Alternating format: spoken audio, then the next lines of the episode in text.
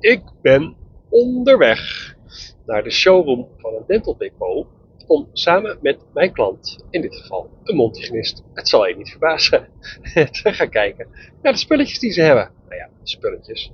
Uh, met name de behandelstoel en de unit en uh, alles wat daar nog bij hoort, met name in de stereoruimte. En natuurlijk, ondanks dat iedereen erop moppert, ondanks dat de service te wensen laat, en EMS. Want ja, dat hoort erbij. Dat is een, een soort de holy grail van de mondhygiënist. Um, nou, dat is. Uh, en ik denk, nou, ik heb inspiratie. Ik heb zin om een podcast op te nemen. Dus laat ik gewoon uh, beginnen. Maar ik heb wel een prikkelend onderwerp. Vorige week eigenlijk ook al, maar deze keer wil. Want het gaat over teleurstellingen in, op, ja, op je weg eigenlijk naar een praktijk toe. En die willen we natuurlijk het liefst allemaal niet, maar ze gebeuren toch. Dus ik ga er een podcast aan wagen. En de grootste teleurstelling is wel, en ik had er deze week mee te maken, dat de financiering is afgewezen. En hoe vervelend ook, het komt heel af en toe voor. Ik heb er gelukkig heel weinig mee te maken, maar ik kreeg deze week het bericht dat de financiering voor mijn klant, een mondhygiënist die een nulpraktijk wil starten, is afgewezen. En dat heeft uh, een aantal redenen. Ten eerste uh, is dat omdat er uh, niet heel veel spaargeld in zit. Maar dat is eigenlijk niet de hoofdreden. Want ze heeft inmiddels wel wat mensen in de buurt gevonden. Van wie ze in ieder geval even tijdelijk iets kan lenen om daar een startje mee te maken. Dus dat was niet de hoofdreden. De hoofdreden vanuit de bank is eigenlijk omdat deze aanvraag al twee keer eerder is ingediend en al twee keer eerder is afgewezen. Dus de bank was extreem kritisch, ondanks dat het echt een enorm winstgevend verhaal is. Maar de bank was extreem kritisch in deze aanvraag. En ik, heel eerlijk, persoonlijk vind ik dat de bank uh, een beetje scheiterig is, om het zo maar even te zeggen. Maar goed, ik, ik, kan, ik kan lullen als brugman en proberen om het recht te breien, maar ik krijg het niet van elkaar. Uh, wat we wel gaan doen, is deze aanvraag indienen, en we hebben hem al ingediend, bij nog een andere bank. Want ik denk nog steeds dat het een haalbaar verhaal is. En het is een winstgevend verhaal, al heel snel. Maar goed, ik ga er vandaag iets over vertellen. Hoe kwam het dat deze aanvraag is afgewezen? Uh, nou, deze mondhygiënist is een half jaar geleden al, ze is er echt al vet lang mee bezig, dus, dus je kan je voorstellen hoe groot die teleurstelling dan is, uh, heeft ze die aanvraag al een keer zelf ingediend. Want ze dacht van ja, joh, ik kan ook een hypotheek aanvragen, waarom kan ik niet een zakelijk krediet aanvragen voor uh, mijn praktijkfinanciering? Dus zij rechtstreeks naar de bank. Uh, de bank die heeft toen kijk, een, een hypotheekaanvraag is een, is een privé, uh, meestal een privé aangelegenheid, kan ook zakelijk natuurlijk, maar. Uh, dus daar kijken ze anders naar. Bij een zakelijke lening, uh, met name omdat er gewoon een forse verbouwing in zit, zijn ze ook gewoon kritischer, want kijk, die verbouwing is niet iets wat ze terug kunnen halen. Dus als je, stel ze lenen je 2 ton voor een verbouwing, dan financieren ze eigenlijk, ja, geven ze je een soort blanco lening. Want als jij dat niet meer zou kunnen betalen, die 2 ton, uh, kunnen terugbetalen, laat ik het zo zeggen, dan uh, ja, kunnen ze niet even naar jouw praktijk en een wandje eruit slopen en dat ze daar nog iets voor krijgen. Dus, dus ze, ze, kunnen het niet terughalen. Kijk, met apparatuur is dat anders. Daar, dat vertegenwoordigt altijd nog een waarde. Dus dat is terug te halen. Maar goed, dus de bank heeft toen tegen haar gezegd, dat was de eerste keer dat het werd ingediend, van joh, uh, wij adviseren jou om, om even op zoek te gaan naar iemand die jou kan helpen, met name met het financiële deel. Dus het maken van alle prognoses, een goede investeringsbegroting, alles wat erbij komt kijken. Um, uh, dus, kijk, haar plan was verder goed. Uh, alleen ze had echt die, de onderbouwing moest beter, de financiële onderbouwing moest beter. Nou, zij heeft zich gewend tot een, ik ga geen namen noemen, maar een redelijk uh, vooraanstaand, althans vroeger waren ze heel erg vooraanstaand, tegenwoordig wat minder en vooral heel langzaam. Uh, adviesbureau, adviesorgaan. En uh, die zijn daar echt lang mee bezig geweest. Echt ook maanden. Dat ik echt denk, hoezo? Weet je, je hebt daar helemaal geen maanden voor nodig. Je zet je schouders eronder. En in principe kan je het dan binnen twee weken af hebben. Althans, ik wel. En al moet ik op zondag, op zaterdag en op maandag nacht werken, het komt af. Ik had laatst een keer, uh, hadden we echt haast. Toen moesten we ineens vanuit het niks moesten we accelereren.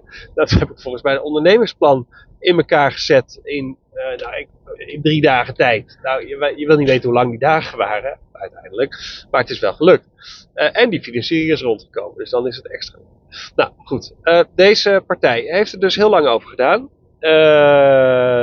En ehm, nou, dat is opnieuw naar twee banken gegaan. de bank waar ik het nu net over had, die wees hem af.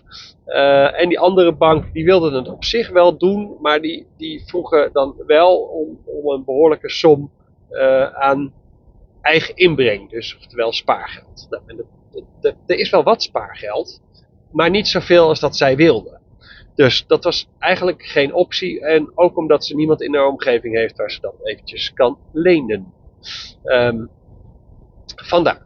Nou, dus ook afgewezen. Nou, toen zat ze natuurlijk helemaal in zak en as. Want ze dacht van ja, schakel ik verdorie een, een, een, gespecialiseerd bureau in. En dan, uh, en dan gaan we nog de verkeerde kant op, zeg maar. Nou, toen nou ja, ze is, gewoon strijdlustig genoeg. Dus heeft, kennelijk is ze gaan zoeken. En kwam ze uh, waarschijnlijk via Instagram uh, op mijn naam. Van hé, hey, die Remco die doet. Die, werkt ook met mondhygiënisten. En die doet ongeveer hetzelfde. Dus ik sprak haar.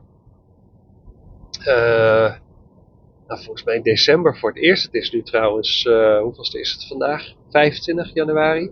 Ja. Um, 25 januari 23 is het vandaag. Uh, en toen, nou ja, ze vertelde haar verhaal. Dus ik zeg van, joh, kan je me uh, de stukken sturen die je tot nu toe die zijn opgesteld. De, ze heeft me alles toegestuurd. Ja, ik zag al gelijk al waar het misging. Um, er zat ten eerste was, was de layout van alle financiële prognoses was echt heel, heel slecht leesbaar. Dus er waren hele grote, ingewikkelde tabellen waarbij niet heel erg duidelijk was wat er nou precies werd berekend en waar het vandaan kwam. Het had ook nog verschillende lettertypen en verschillende lettergrootte, zeg maar. Dus dat, dat, het las ook gewoon niet lekker weg. Maar er zaten een paar dingetjes in die gewoon niet klopten zo was bijvoorbeeld de omzetprognose, dus, dus zeg maar de, hoeveel omzet ga ik in de komende jaren maken, wat verwacht ik, uh, die was gebaseerd op de capaciteit van de behandelaars. Ja, je kan wel een behandelaar hebben met de capaciteit, uh, een multigenist met een capaciteit van 12 mensen per, per dag behandelen, maar die 12 mensen moeten er wel zijn. Dus je kan niet met een startende praktijk een prognose maken op basis van de capaciteit van de behandelaars. Je moet uitgaan van je patiëntopbouw. Dus hoeveel patiënten ga ik per maand inschrijven? Um, en wat gaan die patiënten precies doen in mijn praktijk? Dat is hoe je een omzet opbouwt. En dat je daar behandelaars voor nodig hebt, ja, dat spreekt voor zich. Maar dat mag niet leidend zijn voor de omzetprognose. Nou, en verder zaten er kosten in waarvan ik dacht van ja, hoe kom je daar nou aan? De, de, huisvestingskosten, terwijl de, de huur, gas, water, licht, dat soort dingen, alles wat eigenlijk met het, met het pand zelf te maken heeft, die waren gewoon begroot bij de 60.000 euro.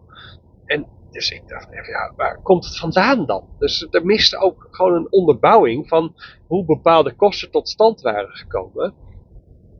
Ja, en dan zegt de bank ook van ja joh, ik, ik, ik zie dat je dit, dit bij ons aanvraagt. Het ging best wel om een forse investering. Het is dan ook, uiteindelijk kunnen er drie kamers in die praktijk worden gerealiseerd. Kijk, daar gaat ze natuurlijk niet gelijk mee open. Ze gaat gewoon operationeel open met één. Maar de verbouwing wordt al wel uh, zo ingericht dat die andere kamers zijn voorbereid met die gebruikname. Nou, daar heb ik het al eens eerder over gehad. Um, ja, dus, dus dat loopt aardig in de papieren. Nou, dus ik, ik heb tegen haar gezegd van, joh, ik, ik moet het hele financiële plan eigenlijk herschrijven. Um, nou, dus dat, dat, heb ik, dat heb ik aangeboden en daar ging ze mee uh, akkoord. Uh, dus ik heb het financiële plan herschreven. Maar toen had ik eigenlijk een financieel plan en ik vond de kwaliteit van het ondernemingsplan, met name door, door dit soort dingen die erin zitten, door, alles wat het adviesbureau had gedaan, vond ik ook niet sterk. Dus ik, ik had het gewoon met het te doen. Dus ik heb uiteindelijk gewoon een heel ondernemingsplan gemaakt. Nou, die hebben we opnieuw naar de bank gestuurd. En helaas kregen we nu dus een afwijzing op het plan. Dus ik heb de bank gesproken. Uh, heel eerlijk, ik vind de banken zijn gewoon strenger aan het worden. Dat is ook wel zo. En ik vind dat ze in, dit, uh, in deze situatie gewoon wel een beetje te, te scheiterig zijn. Sorry dat ik het zo zeg hoor, maar, maar dit. Weet je, zij heeft een behoorlijk hoog uh, ZZP-inkomen op, op maandbasis. Zij, blijft, zij werkt vier dagen ZZP. Ze blijft ook in ieder geval tijd vier dagen ZZP werken. Want ze zegt van ja, weet je, mijn praktijk die is opbouwend. Dus ik kan in eerste instantie, nou, red ik het wel met twee dagdelen, misschien drie dagdelen. Ze zegt ja, die kan ik er prima bij hebben. Want ik, ja, ik, ik, uh, ik heb wel een relatie, maar nog geen kinderen. Ik vind het echt super leuk om te werken. Uh, dus ja, laat mij maar lekker uh, gewoon, gewoon nog een extra dag of anderhalve dag in mijn eigen praktijk. En als dat gaat lopen, dan bouw ik mijn ZZP wel af. Maar in eerste instantie blijf, laat ik lekker mijn ZZP er nog bij zitten. Nou, dus wat je dan ziet, um, is dat ze het gewoon prima uh, allemaal. Uh, zelfs niet, uh, niet, niet een rekening courant nodig heeft, wat, wat gewoon een roodstand bij de bank betekent. En ze eigenlijk ik heb, ik heb expres een hele conservatieve patiëntenopbouw aangehouden. Dus ik, ik ben geloof ik uitgegaan van, van 20 patiënten per maand. Nou, sorry, ze, ze, wil zich, ze gaat zich vestigen in een nieuwbouwwijk. Uh, eh, 20 patiënten per maand. Met een beetje marketing, een beetje flyeren. Een dikke vette poster op de deur met een QR-code. En, uh, en, en goede social media marketing. En misschien ga je zelfs nog wel aan een krantje staan. Uh, moet je die 20 patiënten per maand toch echt wel kunnen inschrijven. Want nieuwbouwwijken, daar komen vaak uh, jonge gezinnen wonen, met ook jonge kinderen wonen. Ga je lekker inspelen op die, op die poetsinstructies. Die, ja, ik ben zelf ouder, dus niemand vindt poetsinstructies leuk. dus ik ook niet. Dus als een mondhygiënist bij mij een flyertje in de bus gooit van, nou, wij zijn er gespecialiseerd in bij, bij deze praktijk, dan denk ik van, nou, misschien moesten we daar maar eens kijken. Dus nou ja, nogmaals, die 20 patiënten per maand zijn haalbaar. Zeker in het eerste jaar en ik denk zeker ook in het tweede jaar ook nog. Ja, en dat het daarna misschien van 20 naar 15 gaat, dat kan. Weet je, dat is ook niet erg. Maar goed, zo had ik hem opgebouwd. En daaruit blijkt gewoon dat als we deze omzet weten te realiseren in combinatie met eerst nog haar huidige ZZP-inkomsten en dat gewoon afbouwend voor de komende dat ze gewoon prima uit kan. Dus ik dacht echt, ja, maar waarom komt dit er nou niet door? En, uh, maar goed, de bank zei, ja, we zijn toch strenger, want het is al twee keer afgewezen. En ja, dan denk ik, ja, daar kan ik echt gewoon helemaal niks mee. En, uh, dus ik, ik merk soms ook dat banken gewoon bepaalde eh, aannames doen en in hun hoofd hebben. En ja, nou ja dan, dan is het op voorhand, lijkt het al kansloos. Maar goed, ik had al haar hierop voorbereid. Ik had al gezegd van ja, hij is al twee keer afgewezen. Dus weet je, het feit dat je nu met mij werkt is nog geen garantie dat het ineens allemaal rondkomt. Want ja, ik kan ook niet toveren. Um, dus ik had haar al voorbereid daarop. Dus ik zei tegen haar al vooraf, wat is je plan B? Hoezo mijn plan B? En heel eerlijk, het pand, dat, dat, dat heeft ze al. Dus dat, dat, daar heeft ze al een optie op. En um, en het is gewoon echt een hele, hele gave locatie. Dus ik zie het wel gebeuren daar op die plek. Want het is mooi tussen alles in. Nieuwbouwwijk, er zitten nog niet zoveel praktijken. het is gewoon een 100% vrij gevestigde mondhygiëne. Uh, dus ik, ik heb daar eigenlijk wel alle vertrouwen in dat het een succes gaat worden. Dus ik zeg, joh, wat is je plan B? Ja, uh, plan B, ze zegt, ja, dan moet ik op zoek naar wat, naar wat anders. Ik zeg, hoezo? En toen keek ze me echt aan, we hadden een Zoom-meeting. En toen keek ze me echt aan van, wat? Waar wil je naartoe? dus ik zeg, joh, kijk, ik zit een beetje raar in elkaar. Want ik, ik, ik ben nogal strijdlustig. En als ik, als ik gewoon echt het goed gevoel heb bij een plan, denk ik, ja, waarom niet? En waarom doen we het dan niet op een andere manier? Dus ik zei tegen haar, ik zeg, wat nou? Want de ruimte is geschikt voor drie kamers. Maar wat nou als we gaan voor een soort pop-up uh, uh, idee. Dus wat je eigenlijk doet, het wordt een soort filmset. Dus wat je eigenlijk doet, je gaat minimaal verbouwen. Dus je zorgt ervoor dat je alleen maar een entree hebt met een wachtkamer. In ieder geval één behandelkamer en een sterilisatieruimte. En het toilet, dat is wel handig.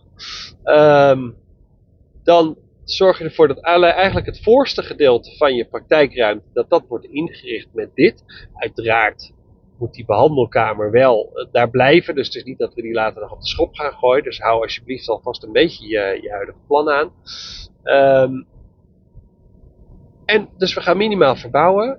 Dan, ja, je hebt natuurlijk wel gewoon apparatuur nodig. Dus die schaffen we aan. Maar joh, heel eerlijk, apparatuur is meestal het probleem niet. Want als de bank hem niet wil financieren, dan kunnen we het altijd nog leasen. Want de meeste leasemaatschappijen, en zeker als je al een, een KVK hebt die uh, minimaal drie jaar oud is, uh, gaat een leasemaatschappij die apparatuur echt wel financieren. Dus het gaat dan met name nog om de verbouwingskosten. Maar ja, stel we weten die verbouwingskosten op zeg 50.000 euro te houden, wat echt niet hoog is. Um, en we vinden een manier om die 50.000 euro wel ergens te kunnen lenen. Um, of je kan weten, misschien kan je dat binnen familie lenen en dat gewoon op een zakelijke manier aanvliegen en dat is ook gewoon terug. Dan kunnen we alvast dan, komt je praktijk tot stand. Je gaat daar alvast werken. Um, we gaan gewoon geld maken in de komende jaren. Nee, eigenlijk gewoon patiënten opbouwen en daarmee geld maken. En dan doen we over een jaar of over twee jaar. Dan doen we gewoon de, de, de, de, grote verbouwing zoals je die nu in gedachten had. Maar we starten gewoon redelijk low level. En, en zij noemden dat dan een light versie. Dus dat vond ik wel een mooie benaming. Dus we doen een light versie van je praktijk. Uh, we gaan gewoon open. Nee, we niet, jij. Ik, ik, uiteraard ben ik op de achtergrond bij, maar het is niet mijn praktijk. Uh, en, uh, en, we gaan gewoon, en je gaat gewoon werken. Punt. Nou, dat is gewoon lekker kleinschalig. Je kan mooie patiënten opbouwen. Als je wel inderdaad uh, die, die, die 20, uh, nou ja, ik, ik ga er meestal vanuit dat je toch wel zeker 300 patiënten, misschien wel 400 patiënten, ik heb meerdere voorbeelden van 400 patiënten per jaar, kan inschrijven. Nou, dan kan je na anderhalf jaar al uh, overwegen om die grote verbouwing alsnog in te zetten. Nou, en de, en de achterkant van je praktijk, daar, dat, is, dat blijft gewoon nog leeg. Als de langwerpig pand is, zetten we dus gewoon een, een muurtje neer. En uh, achter dat muurtje uh, is helemaal niks, dat is gewoon leeg. Maar ja, dat ziet de patiënt De patiënt denkt dat dit gewoon de praktijk is. Dus nou, dat was de, de light versie ervan. Nou, dat is er nu uh, over aan het nadenken. Maar, ik zei het ook, we hadden een aanbod van nog een andere bank al liggen. Dus wat we nu wel nog gaan proberen, is om te kijken of we de financiering niet via de andere bank. Want kijk, ze wilden natuurlijk liefst gewoon voor, de, voor het volledige plan gaan en niet voor een, voor een half plan of een, een light versie. Dat snap ik ook. Je hebt een bepaalde droom en nu ben je eindelijk op het punt dat je die droom kan gaan realiseren. En dan hakt dit er even in. Dus, dus oké, nou ja, dan, dan moet je even een dagje bijkomen van, van de teleurstelling. En daarna schouders eronder en je gaat ervoor. Dus in dit geval um, gaan we nu naar die andere bank weer even terug. En kijken van joh, kunnen die voorwaarden van die forse uh, aanbetalingen eigenlijk, kunnen die er niet uit op basis van het nieuwe plan? En misschien lukt dat wel. En neem ik er binnen podcast over op. Nou, dit is dus iets wat heel actueel is, wat dus van de week voorbij komt. Ik merk ook dat het lastiger uh, is tegenwoordig om bepaalde financieringen rond te krijgen. Dus tenzij je een praktijk overneemt of tenzij je al een x basis aan patiënten hebt die, die, die met je mee verhuizen, zoiets. maar goed, ik heb ook mensen die hadden een enorm sterke wens om wel te gaan starten. Ik, zo had ik een keer een mondhygiënist die had een onwijs gaaf pand op het oog. Echt vlak naast het centrum van, het, van, van de plaats waar ze in woonde. Nou, het was, ze zag het helemaal voor zich. Er konden uiteindelijk twee kamers in gerealiseerd worden. En, maar goed, net voordat ze eigenlijk uh, het, het huurvoorstel zou krijgen om daar te mogen zitten, toen gunde de makelaar het pand aan een andere makelaar. Ja, dat kan. Soms geven ze je pand gewoon weg aan iemand anders. Terwijl ze eigenlijk al hadden toegezegd dat jij het mag gaan huren. Nou goed, dat soort dingen gebeuren helaas ook. Uh, dus zij had ook zoiets van, ja verdorie, wat moet ik nou? En toen zei ik van, joh, je hebt toch, je hebt toch, want zij had mij namelijk, kijk, er gaat natuurlijk een hele intensieve samenwerking aan. Dus ik, ik weet dat ook heel veel mensen die ik begeleid. Ik zeg, je had toch een keer, al een keer contact gehad met een een huisarts die ruimte over had. En uh, ze zegt ja, maar dat was een hele kleine ruimte. Dat, ja, ze zegt dat was eigenlijk al geen optie meer, want het was allemaal veel te klein. En, dus toen zei ik van ja, maar je gaat toch een, gaat toch een nulpraktijk starten? Ja, zegt ze. Maar ik zeg, dan heb je toch eigenlijk geen patiënten nog. Dus dan, dat maakt dan toch dat je eigenlijk aan één kamer wel voldoende hebt. En toen, toen viel het even stil. En ze ja, dat is eigenlijk wel waar. Ik zeg, joh, dus wat nou als we, als je die huisarts gewoon weer benadert. En zegt van, joh, ik heb er nog zelf over nagedacht. Is die kamer nog vrij? En kan ik die misschien voor jou huren? Nou, en, en dat is dus uiteindelijk ook gebeurd. Uh, met als gevolg dat ze wel, uh, dat ze gewoon een hele kleine praktijk is gestart. Echt één kamer. Uh, waarbij ze dan de kamer en de stereoruimte gewoon in die kamer realiseerden. En inclusief nog een afgesloten stereoruimte ook trouwens. Um, maar ze kon natuurlijk de wachtkamer gewoon delen. De toiletten waren al aanwezig, dus die hoefden ze ook niet. Dus ze hoefde eigenlijk minimaal te verbouwen. Ze heeft er apparatuur ingezet die verplaatsbaar is. Dus in dit geval heeft ze gekozen voor een standalone uh, behandelunit. Uh, en die, dat is gewoon stekker erin en gaan. Dus er zit een compressor en een afzuigmotor zit daar al ingebouwd. Uh, en, nee, sorry, de compressor zit ingebouwd en de afzuigmotor zit in een los karretje. dus het is een mobiele afzuigunit. Dus, en die wordt ook aangesloten trouwens gewoon op het riool hoor. Dus het is niet dat je een of andere ranzige pot moet gaan liggen. Ehm, maar goed, alles is ingericht op tijdelijke huur van die ruimte. Dus zij kan uh, na een paar jaar, want volgens mij kon ze daar maar een jaar of twee of vier huren, um, kan zij gewoon het hele boeltje oppakken en meenemen naar een nieuwe locatie. Dus ik zei tegen haar, ik zeg, joh, ga gewoon starten daar. En um, nou ja, als, het, als, als je daar op een gegeven moment uit moet, dan, dan gaan we gewoon op zoek naar een andere locatie. Als je zelf wil verhuizen of groter groeit, dan kunnen we ook op zoek naar een andere locatie. Ja, misschien mag je er niet uh, maar twee jaar blijven, maar zit je er uiteindelijk alsnog zes jaar. En dat is, nou, zij is dus dat, die praktijk ook begonnen uiteindelijk. En ze doet het echt supergoed. Gaat echt boven verwachting lekker.